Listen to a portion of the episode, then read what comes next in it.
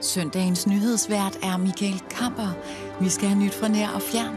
Velkommen til 19-nyhederne.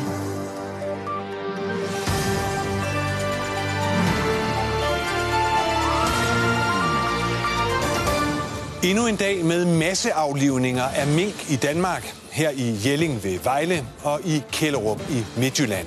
Imens breder frustrationen og spørgsmålene sig, er alt det her nødvendigt? Jeg har været ked af det, jeg har været skuffet, jeg har været rasende. Og, og det, det, er, det, er jo, det, er jo, det er jo sådan, at vi alle sammen har det lige nu.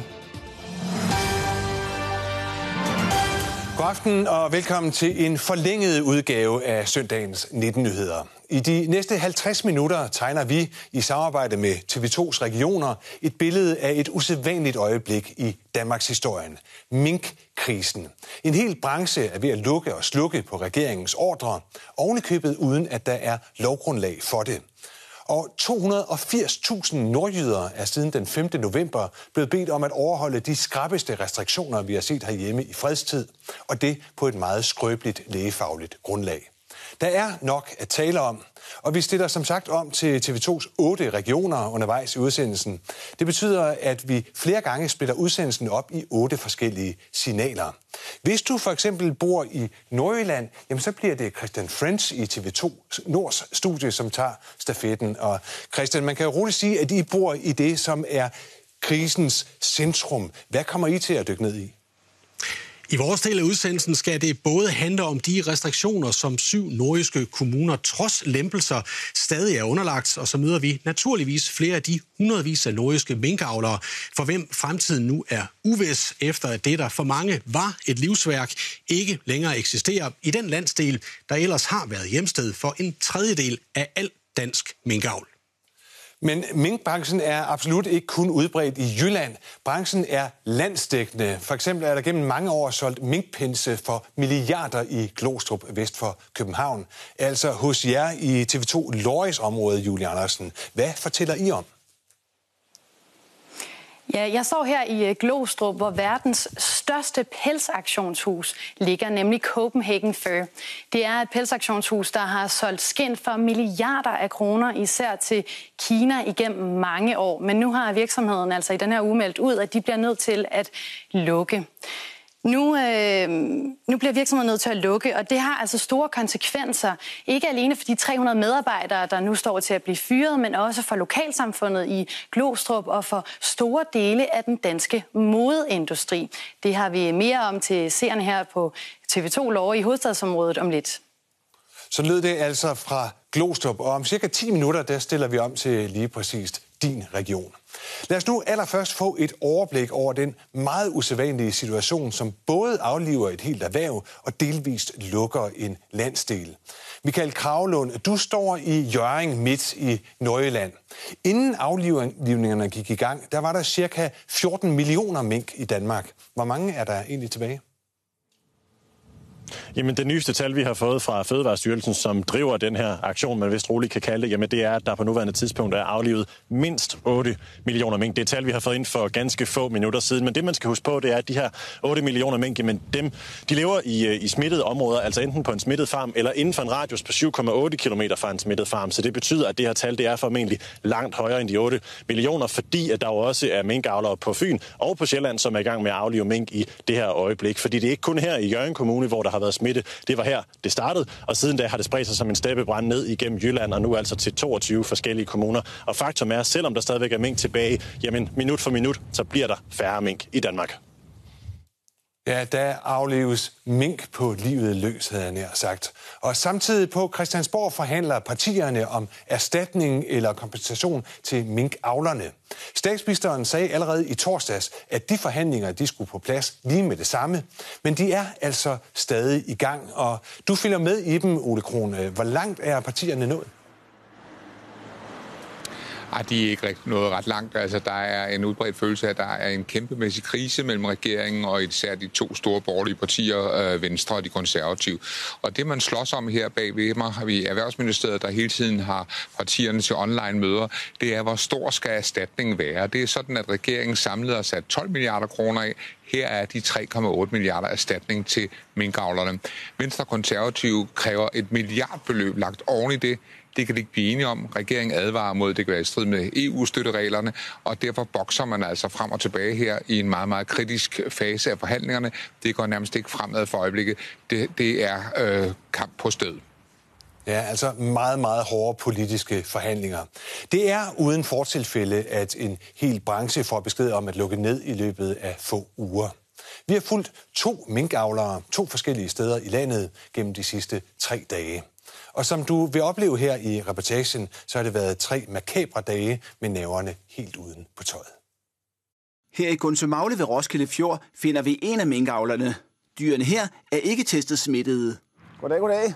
Hej. Vi møder dog minkavleren uden for farmen for at eliminere enhver smitterisiko. Det er min datter og barnbarn. Det var dem, der skulle have overtaget det her. Skulle I det? Ja. Det var det. det. Det bliver underligt at komme herned nu, så er der bare helt tom. Og så skruer vi tiden tilbage til torsdag. Her på Holstebro Minkfodercentral i Vestjylland er man ved at omdanne frossen fisk og kyllingerester til minkfoder for aller sidste gang. Jamen lige nu der har vi jo gang i den sidste foderproduktion, øh, hvor vi laver foder til tre dage. Det er avlerne selv, der ejer fabrikken. Den har lige haft 60 års jubilæum. Jamen det her det er jo den gamle protokol fra helt tilbage fra 1960. Fryseren ved siden af er fyldt med aflivede mink fra raske farme. Mink, som avlerne ikke har kunnet nå at pelse, fordi der er så mange mink, der skulle aflives på én gang. Det, det er meget uhyggeligt det her. Det er jo barsk, ikke? Men vi har, det er jo for at redde de sidste værdier. En af de farme, der skal have foder lidt endnu, er denne minkfarm få kilometer væk. Nu er det fredag morgen. PT i dag øh, mangler vi at aflive øh, ca. 2500 dyr på farmen. Minkene her er nogle af Danmarks sidst smittede. I alt omkring 50 nye farme er meldt syge, siden statsminister Mette Frederiksens besked om at lukke minkbranchen ned. Øh, smitten på min farm øh, fik jeg konstateret i tirsdags, øh, hvor jeg fra Fødevarestyrelsen blev ringet op og siger, at jeg er under mistanke. Så er det ud på farmen, ud og se, hvordan det går med aflivningerne. Der er også travlhed hos Kim Christensen i den modsatte ende af landet. Så kommer hjælperne. I alt 23.000 dyr skal slås ned her. Familie og venner er kommet tidligt for at hjælpe. Kunne branchen selv have gjort mere for at passe på ikke at sprede smitten? ja, det kan du jo sagtens sige nu. Det, det føler jeg ikke. Så oprandt dagen, hvor de sidste dyr på min minkfarm, de skal aflives. Lørdag morgen, her er Lars Nielsen i Bækmarksbro. Ved middagstid er det slut. Så var den sidste øh, mink på, øh, på farmen her død. Uh, det har været 38 fantastiske år som minkavler. Søndag i Gunsemagle. Nogle aflever, andre pelser de døde dyr. Eftersom dyrene her ikke var smittede, vil skindene her formentlig nu ende på en kinesisk rigemandsfrue. Ja, der er kun lyd af aflivningsvogn. Det må være til stor glæde for hende der, Mrs. Staling Rasmussen inde på borgen. Og hun kan se, at hun får udryddet det nu. Serum Instituttet siger jo, det her er farligt. Øh, praller det af på dig? Skulle man så ikke bare have koncentreret sig om at få de dyr, der var smittet, aflivet, så tror jeg ikke på, at vi har stået her i dag. Søndagen sluttede med, at Kim Christensen manglede at aflive 1300 dyr. De ryger i morgen. Derefter er det slut. Ja, sådan foregår, foregår aflivning af millioner af mink altså lige nu. Det hele begyndte den 17. juni. Den dag blev der konstateret corona i den første minkbesætning i Danmark. Det var på en farm i Sindal i Nordjylland. Vi håber, at, øh, at det her det er et, et, et indgangstilfælde. Men sådan skulle det som bekendt ikke gå. Et par uger senere der blev der fundet smitte på yderligere to farme i Nordjylland. Så gik der faktisk flere uger uden fund af corona i mink, inden det igen begyndte at dukke op i slutningen af august. Og den 1. oktober meddelte regeringen, at besætningerne på 100 minkfarme i Nordjylland skulle aflives. Smitten var konstateret på 41 af farmene, men også besætningerne i nærheden af de smittede farme skulle slås ned. I løbet af oktober blev smitten ved med at brede sig, og på et pressemøde den 4. november kom Serum Instituttet med en alarmerende melding. Nemlig at virus havde muteret i minkene, og at en af mutationerne, som har fået navnet kloster 5, kunne ødelægge effekten af en kommende vaccine. Worst case scenariet her, det er, at vi har en pandemi, der starter forfra igen med øh, udgang i øh, Danmark. Og på det samme pressemøde meddelte regeringen så, at alle minkbesætninger i Danmark skulle aflives. Både de smittede besætninger og de raske skulle slås ned. Det er nødvendigt at aflive alle mink i Danmark. Det gælder desværre også avlstyrene. Problemet ved det, som Mette Frederiksen sagde her, er, at det er en ulovlig ordre. Regeringen må godt give ordre til, at syge besætninger skal slås ned, men den må ikke give ordre til at slå raske besætninger ned. Der gik et par dage, inden det stod klart, at regeringen havde givet en ulovlig ordre, og så brød det politiske stormvejr ud. Fødevareministeren i kamp for sit politiske liv. Jeg har ingen kommentar. De gik ellers lige så godt. I modsætning til mange andre lande, så kunne vi gå på gaden uden mundbind, vi kunne gå på café og restaurant, hvis vi var forsigtige, og sygehusene var ikke presset, som for eksempel i New York, hvor de måtte bygge felthospitaler i Central Park. Der var styr på smitten på Christiansborg. God eftermiddag. Men den 17. juni dukkede det lille pelsdyr op og stjal alle overskrifter. For første gang er der konstateret smitte med coronavirus blandt dyr her i Danmark, og det har ramt en minkfarm i Nordjylland. Og efter en sommer med skiftevis aflivninger og isoleringer, så kulminerede det den 4. november med meldingen fra statsministeren. Når alle mink skal aflives, også avlstyr, så ved vi godt, at det kan blive meget svært for erhvervet at komme igen. Fire dage senere viste det sig, at der ikke var lovhjemmel til at kræve aflivning af mink uden for sikkerhedszonen på 7,8 km fra smittede farme. Det krav var simpelthen ulovligt. Det her, det går altså for vidt. Jeg synes, det er på tide, at Folketinget træder karakter. Jeg sagde i starten af forløbet omkring covid-19, at vi ville komme til at begå fejl. Det skulle så vise sig, at øh, vi kom til at begå en fejl i øh, sidste uge. Det beklager vi. Jeg synes, det er ret rystende, at man omgås Danmarks Riges grundlov så lemfældigt. Oppositionen krævede fødevareministerens afgang. DF og konservativ, de kræver Mogens Jensens afgang. Kræver du det samme? Jeg synes, det er et godt sted at starte. Så nu hed det sig, at det var en opfordring indtil en ny hastelov gjorde det lovligt at aflive alle 14 millioner mink. Øh, vi erkender, at øh, det var en fejl, at minkavlerne øh, har fået at vide, ikke har fået at vide, at det var tale om en opfordring. Fødevareministeren talte om, at man kunne bevare 56.000 avlstyr, så farmerne igen kunne producere mink. Men det blev undsagt af minkbranchen. De har afvist det, og, det tager jeg jo selvfølgelig til efterretning. Regeringen synes på den baggrund heller ikke, det er en realistisk vej at gå. På onsdag kommer regeringen med en redegørelse for hele det kaotiske forløb. Den kan komme til at afgøre, om fødevareministerens taburet vakler eller vælter. Jeg tror ikke, fødevareministeren overlever den her skandale. Spørgsmålet er jo, hvilke andre minister han kommer til at tage med sig i faldet. Ja, hvilke andre ministre? Her ville vi naturligvis rigtig gerne have talt med statsminister Mette Frederiksen om, hvorfor hun ikke sikrede sig, at regeringen handlede inden for lovens rammer. Men hun har ikke ønsket at stille op til interview i denne udsendelse. Sidst vi hørte fra hende i Mink-sagen var i programmet God Aften Live i torsdags, og der lød det blandt andet sådan her. Hvornår sikrer du dig, at der er lovhjemmel for det her? Hvornår spørger du folk? At det her er okay? Men det er jo et mærkeligt spørgsmål at stille, al den stund, at du øh, og resten af Danmark jo godt ved, at der ikke var lovhjemmel. Men er det nu også et mærkeligt spørgsmål at stille til en statsminister, hvad hun har gjort for at holde sig inden for lovens rammer? Sagen er nemlig, at hun senest to dage efter pressemødet fandt ud af, at loven, at ordren var ulovlig. Men det fik hende ikke til at bede sin fødevareminister om at stoppe aflivningerne.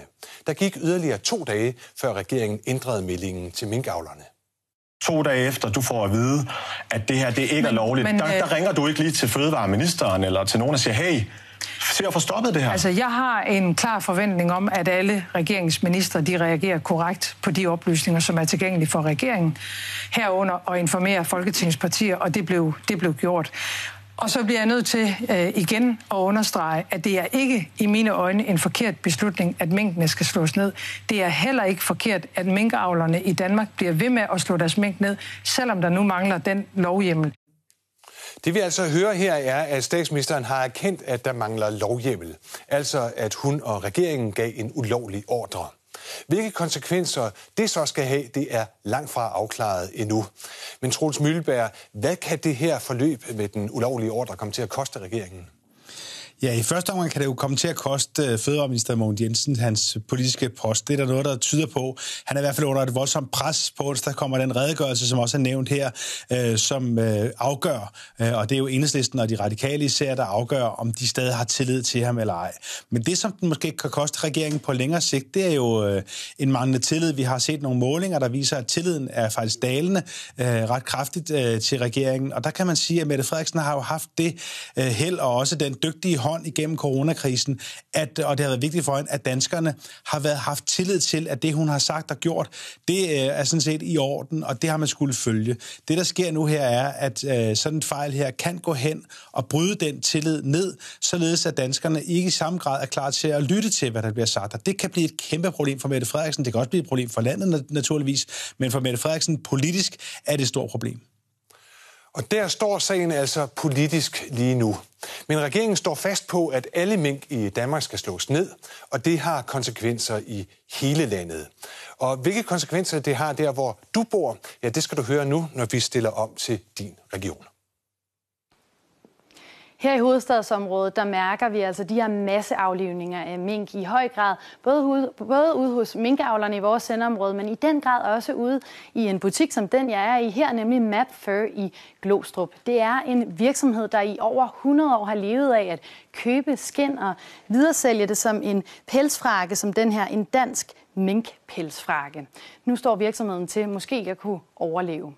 Men inden vi vender tilbage til virksomheden her, så synes jeg lige, vi skal have et overblik over, hvordan at de danske minkavlere er ramt i vores sendeområde. 4. november holder statsminister Mette Frederiksen pressemøde. Budskabet er klart. Alle mink i Danmark skal aflives. En de facto dødsdom til en hel branche. 12 minkfarme i vores område får trukket deres eksistensgrundlag væk. Minkavlerne bliver kompenseret med 20 kroner per aflivet mink i en såkaldt tempobonus, hvis minkene bliver aflivet senest 16. november. Herefter går minkavlere i gang med aflivning af alle deres mink. Brancheorganisationen Danske Minkavlere skønner, at der i vores område er lidt under 200.000 mink på de 12 farme. Ja, minkavlerne er hårdt ramt, men det er jeg altså også her hos øh, uh, MAP for Rasmus Petersen. Du er fjerde generation her. Hvor skidt står det til? Ah, men det ser skidt ud. Det må vi nok tilstå. Uh, man har jo uh, taget 60 procent af vores uh, omsætning fra os overnight, og det har selvfølgelig en voldsom betydning. Jeg tror ikke, der er mange firmaer, der vil overleve det. Vi vil selvfølgelig gøre forsøget, og uh, jeg har også en søn, som er femte generation, og han, øh, han skal jo lige have noget hjælp nu her, og vi skal sætte os ned og finde ud af, hvad skal der ske i fremtiden. Jeg vender tilbage til dig øh, senere i udsendelsen. Nu skal det lige handle om din nabo, Copenhagen Fur, der ligger lige herinde ved siden af i Glostrup. Copenhagen Fur er verdens største pelsaktionshus. Men øh, i løbet af den her uge, der har de altså meldt ud, at de kan ikke overleve. Copenhagen Fur har eksisteret i 90 år og har ligget i Glostrup siden 1963. Virksomheden er ejet af de danske minkavlere, så nu hvor der ikke længere skal være danske mink, er en nedlukning en naturlig konsekvens. Det vil ske over tre år, hvor 300 medarbejdere løbende vil blive afskediget. Det er klart, at nogle af de medarbejdere, som har tættest relation til det, der foregår ude på, på minkfarmene, de vil blive udfaset relativt hurtigt. Og det, det er jo en konsekvens af, at øh, dyrene desværre forsvinder. Der er pels nok til, at Copenhagen Fur kan holde pelsaktioner i hvert fald i to år endnu, men om tre år vil det altså være helt slut med salg af dansk minkpels fra det store aktionshus. Mange af de her medarbejdere, der altså nu står over for at få en fyreseddel fra øh, Copenhagen Fur, de har arbejdet for virksomheden i årtier, og arbejdet for Copenhagen Fur er blevet en stor del af deres identitet. Nu skal vi møde en af dem, der har det på den måde. De år, jeg har stået med den her i hånden, der har jeg omsat for, haft ansvar for at omsætte 85 milliarder. Vil du købe en hammer til 85 milliarder? Per Knudsen var bare 17 år gammel, da han i 1985 som handelsuddannet startede sin karriere i Copenhagen Fur i Glostrup. Starter i september 1985, så det er, det er et par sommer siden. Efter 35 år i virksomheden er det ved at være slut. Det, det slår meget hårdere, end, end folk egentlig fanger og tror. Fordi det er ikke kun et, et arbejde, det er simpelthen en livsstil. Torsdag i denne uge meldte verdens største auktionshus for pelse ud, at de lukker, som direkte konsekvens af, at alle mink i Danmark slås ned. Jeg ved ikke, hvor vi står øh, om, om 14 dage, om tre uger, øh, hvor mange der rent faktisk øh, kommer ind nu. Vi prøver at danne os et overblik over det, men, men den besked, vi får i dag, kan vi lave om i morgen. Så. Per Knudsen selv startede med at sortere skin i hallerne her. Siden blev han såkaldt spotter ved de til tider intense auktioner. Og siden år 2000 er det ham, der har svinget hammer, når et skin skulle sælges. Det var så her, jeg blev, blev gift ude på, på broen. Så jeg ved ikke, om det bliver mere af hele mit liv end, uh, end det. Vi skal tilbage til den 13. juni i år, hvor man første gang opdager coronavirus blandt mink i Nordjylland. Fur Gym lukket på ubestemt tid. Siden har virus spredt sig. Den indgriben, den har taget i vores allesammens liv, det er ja, ubeskriveligt med uoverskuelige konsekvenser til følge. Hvis man lige starter herude, så er det jo selvfølgelig alle dem, som arbejder herude. Men hvis vi tager lokalområdet, så har vi også øh, to hoteller. Biludlejningsselskaberne vil også opleve, at der mangler noget omsætning. Og så selvfølgelig en masse hoteller og restauranter i, øh, i København. Og selvom Copenhagen Fø har solgt andet end minkpelse. Det her det er et chinchilla-skin, som også er blevet lavet i, i forskellige variationer. Så har vi vores swakara-skin fra, fra Namibia, og vi har også nogle, en sølvrev fra Norge. Så er det den danske mink, der har afgjort langt de fleste hammerslag for virksomheden. De bedste mink, vi solgte på den sidste auktion, de kostede lige over 300 kroner. Og når det så er sagt, så sælger vi toplot en gang imellem, hvor vi tager, tager 40 skin ud, øh, som er helt unikke, helt specielle, og laver lidt speciel markedsføring omkring dem, og de koster over 1000 kroner for det bund, altså per skin. Det er i dag 20 år siden, at Per Knudsen tog skridtet op på den øverste skamme i Copenhagen Fø. 65 was over here to 65. Trinet er ikke øh, højere end sådan, men øh, betydningen den er, den er noget større. For når man står heroppe, så står man med, med ansvaret for, for rigtig mange menneskers levebrød. Og det er ikke småpenge, der bliver handlet for. Vores rekord med omsætning heroppe, det var, øh, det var under, øh, ja, jeg tror det var 2013 på en af de første auktioner på året. Der regner jeg ud, at vi har solgt for over 40.000 kroner i sekundet hver sekund hele den dag. Nedlukningen af verdens førende auktionshus vil ske gradvis over de næste år. Vi har jo nogle skin, som, øh, som vi ikke har fået solgt i den her sæson, som vi skal sælge til den kommende sæson. Og så længe der er skin, vil Per Knudsen holde fast i hammeren. Kommer der så også noget salg i, i 22, kommer der også øh, en lille smule i 23, så tror jeg ikke, at øh, vi kan strække den længere med, med det, vi har. Så det er, det, det er den bagkant, jeg sådan kigger ind i lige nu. Men det er vildt at tænke på, hvor stille der kan være, når man har været her med 700 kunder, der råber og skriger.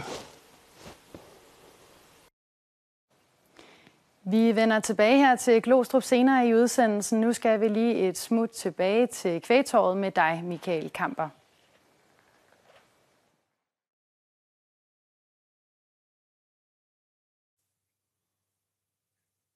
Ja, sådan ser det ud, når en hel branche lukker ned. Og det var så bekendt ikke kun minkavlerne, der fik besked på at lukke ned. Det gjorde 280.000 nordjyder også. Af frygt for, at mutationen kloster 5 skulle brede sig blandt mennesker, meddelte regeringen på et pressemøde den 5. november, at disse syv nordjyske kommuner skulle indføre stramme restriktioner. Borgerne blev opfordret til ikke at krydse kommunegrænserne. Den kollektive trafik lukkede ned. Det samme gjorde barer, caféer og restauranter, og skolegangen blev kraftigt begrænset. Frederikshavns borgmester Birgit Hansen beskrev situationen sådan her. Det her det bliver hårdt, ikke alene i forhold til erhvervet, men også i forhold til vores sociale sammenhænge. Vi er voldsomt presset, fordi hverdagen er og bliver så meget anderledes. Og samtidig fik nedlukningen af de syv nordjyske kommuner flere eksperter til at undre sig. Kloster 5-varianten er nemlig ikke fundet i mennesker siden september måned. Og eksperterne har ikke set nogen tegn på, at kloster 5 skulle udgøre nogen særlig trussel. For risikoen for, at varianten spreder sig så meget i befolkningen, at den bliver en trussel mod folkesundheden, er minimal. Og det er heller ikke sandsynligt, at de kommende vacciner ikke kan beskytte mod mutationen, lød det. Altså jeg tror, at i coronatiden her skal vi stoppe med at tale om worst case hele tiden. Øh, så jeg tror, og her vil jeg sige, at det er meget, meget usandsynligt, at øh, den mutation, vi ser nu her, bliver ophav til øh, endnu en pandemi. Ja, nu kan jeg sige god aften til dig, Allan Randrup Thomsen. Altså, risikoen ved den her kloster 5 er meget lille, hører vi. Så var det sundhedsfagligt set en overreaktion at indføre så kraftige reaktioner i de syv nordjyske kommuner? Ja, det, det vil jeg altså mene, øh, ud fra hvad vi nu ved om øh, hyppigheden af den her øh, øh, variation, og at de data fra Serum Instituttet ikke var særlig overbevisende. Så du mener altså, at reaktionerne i Nordjylland var skudt over målet. Hvorfor er det et problem? Jamen det er det jo, fordi øh, man kan sige, når folk ikke føler, at de restriktioner er rigtige, så øh, giver det jo en øh, mistillid til hele systemet, og den kan have virkning langt ud over denne her situation. Men hvad så med aflivningen af minkene der? Er det efter din mening også en overreaktion, eller er det nødvendigt? Ej, ej det, når det gælder minkene som sådan, så vil jeg sige, så er der altså en særlig risiko øh, ved at have så stor en population af individer, der kan smittes med virus, og hvor virus jo kan springe fra individ til individ. Øh, så er det også vist, at, at mink ser ud til at øh, udvælge nogle særlige varianter, som øh, har nogle kritiske ændringer i de områder, som kan være kritiske. Og øh, vi har heller ikke vist os at være særlig gode til at kontrollere, at virus ikke kan sprede sig fra mink ud til omgivelserne. Øh, så alle de her ting gør, at man kan sagtens øh, sige, at der er en væsentlig risiko ved at have mink i, i Danmark. Og det eneste, jeg ville have ønsket, var, at man kunne have taget den her debat på et roligere grundlag, øh, fordi dataene har jo sådan set ligget der længe, og der havde været tid til at debattere øh, om og hvad vi skulle gøre med mink, hvis nu en situation, som var truende, opstod. Lød det altså fra en af vores førende biologer. Og Danmark er langt fra det eneste land, hvor minkfarme snart er fortid. Her kan vi se de europæiske lande, hvor minkavl allerede er forbudt. Og i Holland, ja, der skal minkfarmene være lukket allerede næste år. I Tyskland er det i 2022. I Norge skal det ske inden 2025. Så er der Sverige. Her er minkavl ikke ulovligt, men branchen er underlagt så strenge krav om dyrevelfærd, at den næsten er afviklet. I Frankrig er der ikke noget forbud, men regeringen har varslet, at man vil forbyde minkavl i løbet af de kommende år. Og så er der Polen. Et interessant land, fordi det er Europas næststørste producent af mink, kun overgået af Danmark.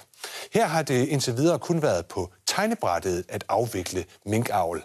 Og Divya Das, du er med netop fra Polen. Hvad er forklaringen på, at stort set alle lande enten diskuterer eller allerede har besluttet at lukke ned for minkavl?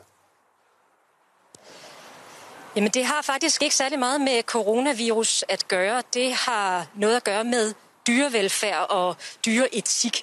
I mange af de her lande, som du nævner, der har der i en årrække været en national debat om lige præcis dyrevelfærd. Og der har man altså på baggrund af det truffet beslutning om at afvikle minkavl i lande som Norge, Tyskland og Frankrig. Og i virkeligheden også Gælder det også for Holland? Der har der også været en lang dyrevelfærdsdebat, og det var det, der gjorde, at man også ville afvikle der. Det har man så speedet op på grund af øh, coronakrisen, og vil nu allerede afvikle i 2021, frem for det, der var planlagt i 2024. Og så er der Polen, hvor det i virkeligheden var så meget på tegnebrættet, at det var et lovforslag. Men på grund af en masse politiske uenigheder i Polen, så sandede det hele til, og Præsidenten sagde jo et øh, for ganske få dage siden, at han ikke havde tænkt sig at skrive under på noget som helst, nogen som helst lov, der havde med forbud for minkavl at gøre. Så det er status i Polen og rundt omkring i Europa lige nu. Så når man nu overvejer, eller allerede har gjort det, altså at lukke minkfarme ude i Europa, så er det altså på grund af dyrevelfærd, ikke på grund af øh, corona. Så fortæl os, hvordan reagerer polakkerne på det, der sker her i Danmark, altså at vi lukker ned på grund af corona?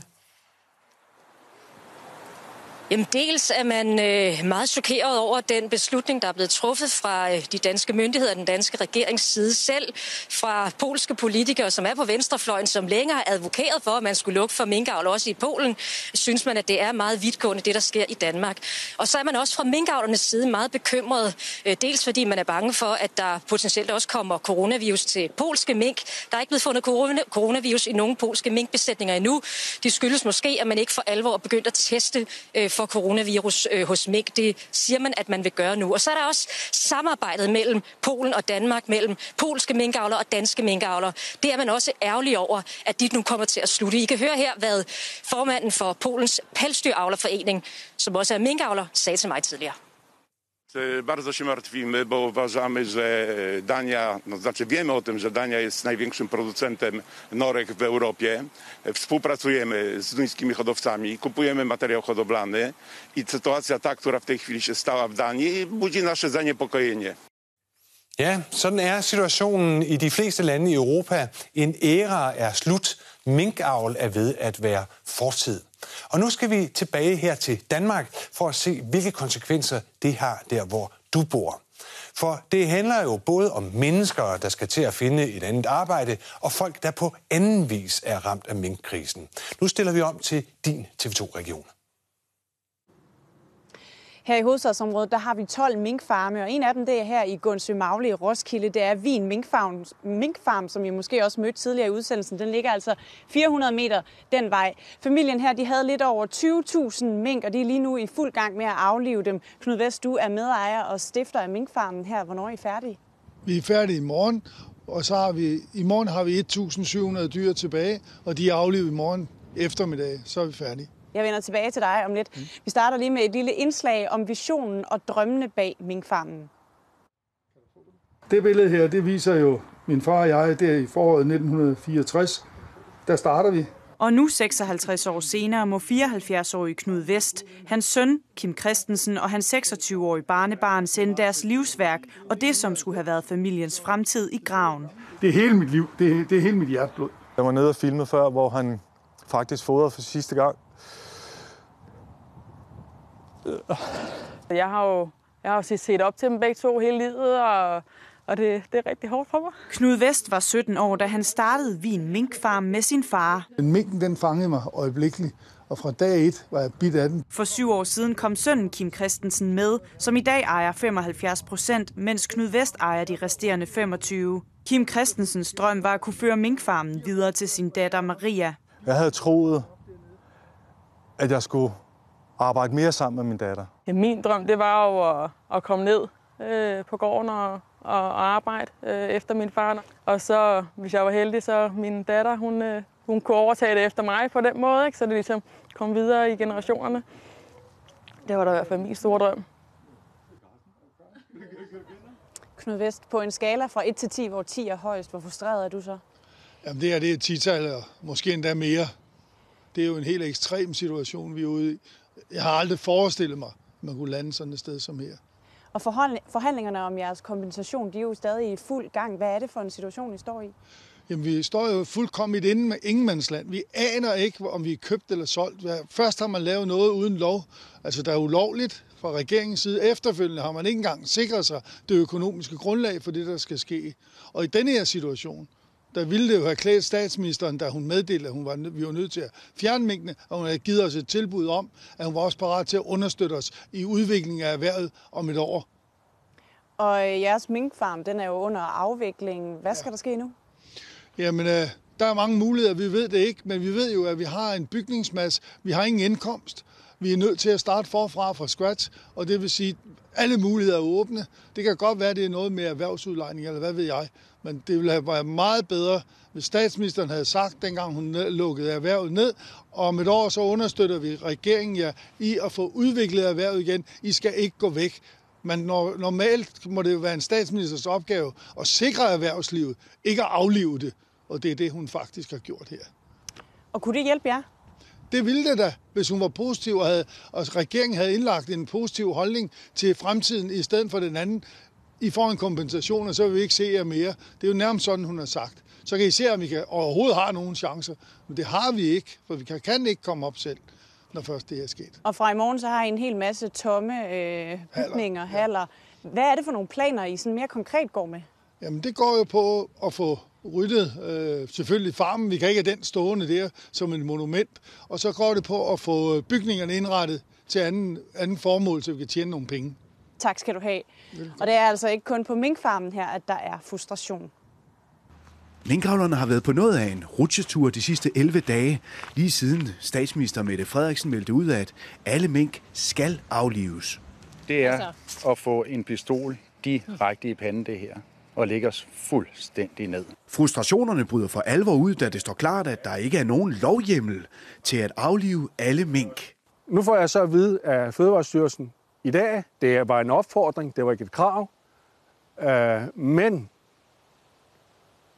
der vil komme et krav. Og selvom tiden render ud for minkavl i Danmark, er der stadig et håb i branchen om at redde avlstyrene. Jeg håber til det sidste, at jeg kunne få lov til at, at beholde min avlstyr, men øh, vi er et minut i 12 det her.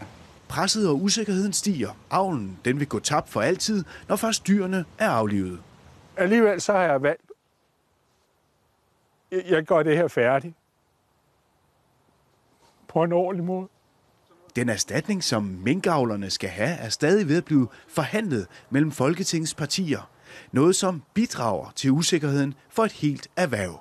Det kan vise sig, at det, jeg har gang i nu, at jeg render og pelser min mink, det faktisk bliver øh, et kæmpe tab for mig.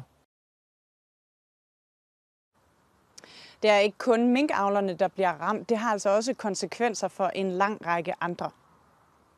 Her på kajen i Hundested er fiskerne nogle af de første, der mærker konsekvenserne af, at mink i stor stil bliver aflivet. Ingen mink, intet fiskefoder.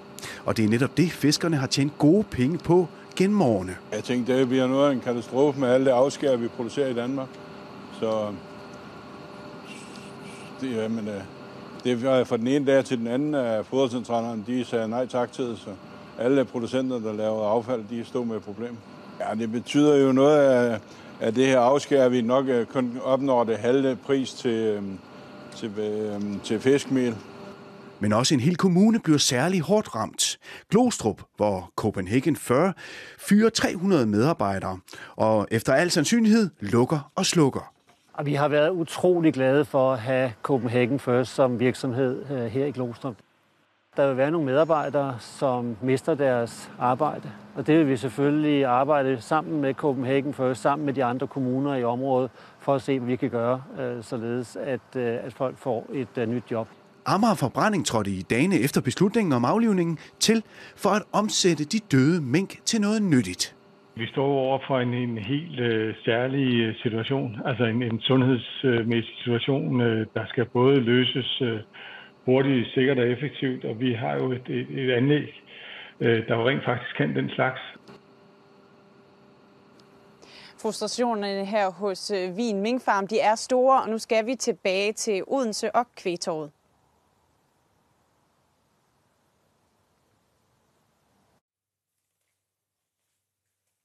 Ja, så vidt de menneskelige konsekvenser af minkkrisen der, hvor du bor. Det er ikke nogen lille branche, som nu er ved at være fortid. Ved årsskiftet var der 792 deciderede minkfarme i Danmark.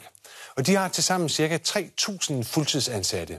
Og hvis vi regner følgeerhvervene med, ja, så er der i alt 6.000 mennesker, der er beskæftiget i minksektoren. Og branchen eksporterede sidste år skind til en samlet eksportværdi af 4,9 milliarder kroner. Alt det er nu ved at lukke efter næsten 100 år. Historien om dansk mink er både en succeshistorie og en meget omdiskuteret sag. Minkfarm har navnet af sin far. I denne uge sluttede et livsværk. Vi står op med tår i øjnene hver morgen. Det har vi gjort i øh, to måneder. Ja. Familien Vestergaard har været minkavlere næsten siden begyndelsen i 30'erne. Arrangørerne ville vise, at der også herhjemme med held kan oprettes rationel pelsdyravl. Hurtigt blev dansk skind kendt for kvalitet, og det milde klima var perfekt til pelsdyravl. Antallet af minkfarme var konstant stigende ind til slutningen af 1980'erne, hvor der var ikke mindre end 5.000 minkfarme i Danmark. I mange år var vi den største leverandør af minkskind i verden. Kom. Men der var også kritik, og dem, der var utilfredse med det etiske i at indespære dyr, udelukkende for pelsens skyld. Aktivister brød flere gange ind på farme og lukkede tusindvis af mink ud. Altså, og det kaldes dyrevenner. Altså, jeg mener, de, de burde anmelde for dyrplejeri. Også pelsforretninger blev udsat for herværk og brandattentater. Jeg ved ikke, hvad, hvad jeg skal gøre. Anderledes populær var de danske mink i Kina. I 2013 havde branchen rekordomsætning på 13 milliarder kroner. Det helt store behov i Kina er jo ikke de rige. Dem er der også ganske mange af, men det er jo middelklassen. Det her det er middelklassen, som bruger penge på at se smart ud. Men så startede nedturen. Overproduktion halverede priserne på skinnet, og minkavlerne fik underskud. Vi hænger rigtig med mulen alle sammen. Og ikke nok med det. I 2019 blev Kina ramt af en hidtil ukendt virus, og kinesiske opkøbere måtte ikke rejse ud af landet. To tredjedel af kunderne kommer fra Kina, og kommer de ikke, så er det jo ingen option. Altså. I et forsøg på at inddæmme coronasmitten herhjemme, blev besætning for besætning slået ned. Men så viste det sig, at virus var muteret. Det kunne ifølge myndighederne betyde, at en kommende vaccine ikke virker, som den skal. Af hensyn til folkesundheden skulle samtlige 17 millioner mink aflives. Mange af jer mister ikke alene deres levebrød, men et livsværk. Et helt erhverv er nu indstillet. Vi har brugt hele livet på at bygge hele, hele produktionen op, og nu er vi begyndt at pille det hele ned igen. Minkene skulle have været næste generations levevej. Vi er jo følelsesmæssigt slået totalt i stykker. Ja, meget tyder på, at den her 100 år gamle historie er ved at være slut. Og de cirka 6.000 ansatte i minkbranchen skal til at se sig om efter noget andet at lave. Og hvordan fremtiden for de mange mennesker kan komme til at se ud, det bliver der gjort mange tanker om i hele landet. Vi skal tilbage til din region. Ja, nu er vi nemlig tilbage her hos øh, familievirksomheden MapFur i Glostrup. En virksomhed, der nu har svært ved at se, om de kan overleve, også selvom de i over 100 år altså har levet af at købe skind som det her, og solgt det videre som pelsfrakker som den her. Og de har altså også leveret pels til det danske kongehus. Man kan vel sige, at øh, det her med pels, det historisk set i hvert fald har været lidt af et statussymbol. Men det er ikke alle, der elsker pels.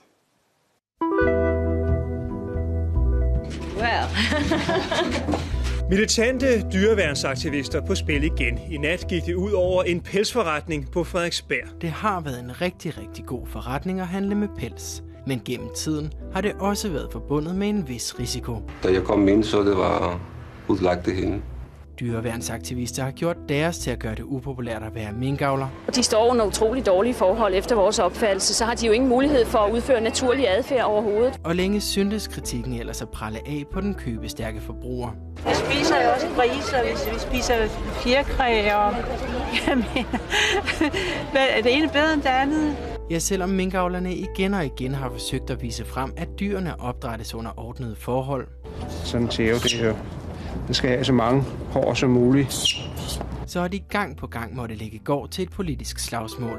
I nat blev over 1600 mink... Cirka 8.000 mink blev natten til 5.000 mink blev lukket ud fra to sjællandske minkfarme. Og så startede vi jo nede, og så kunne vi jo allerede se, der lå mink, der var kørt over, mink, der var ødelagt. Utrygheden fra aktionerne spredte sig til hele lokalsamfund. Det var døde dyr overalt.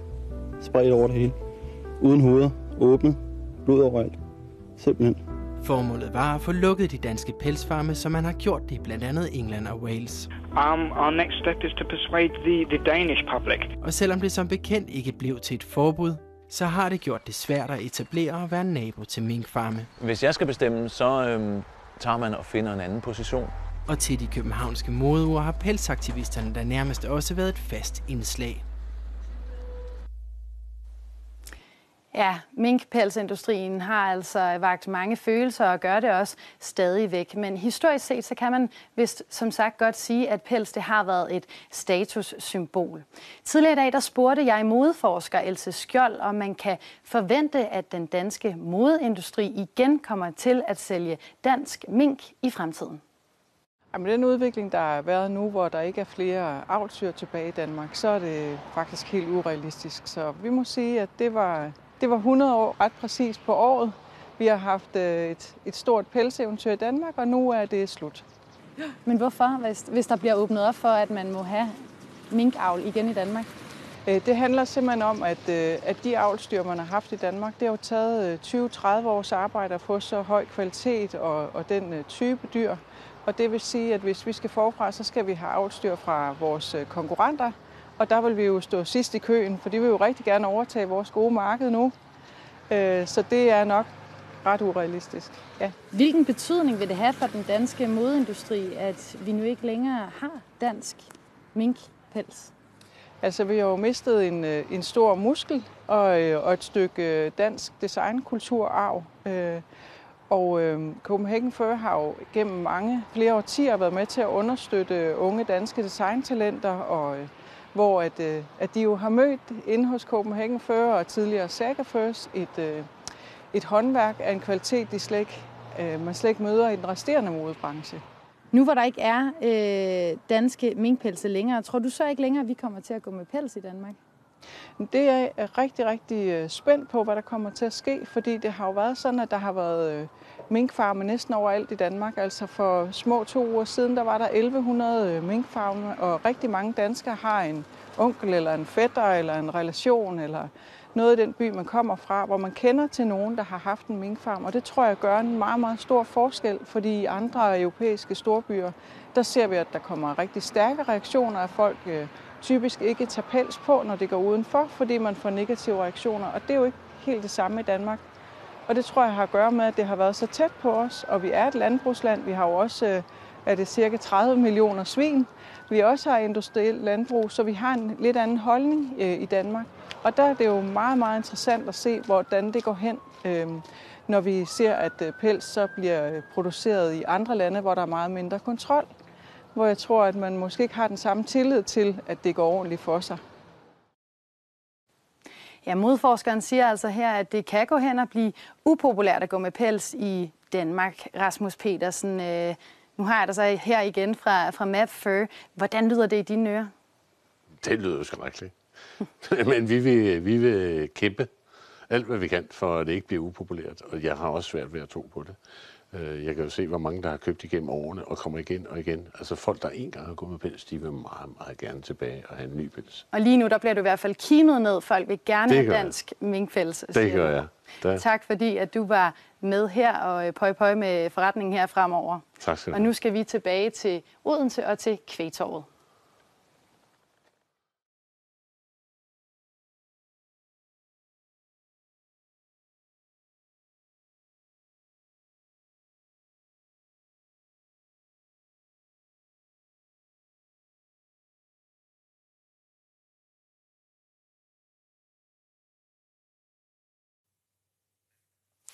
Og sådan nåede vi næsten rundt om minkkrisen, som situationen er lige nu.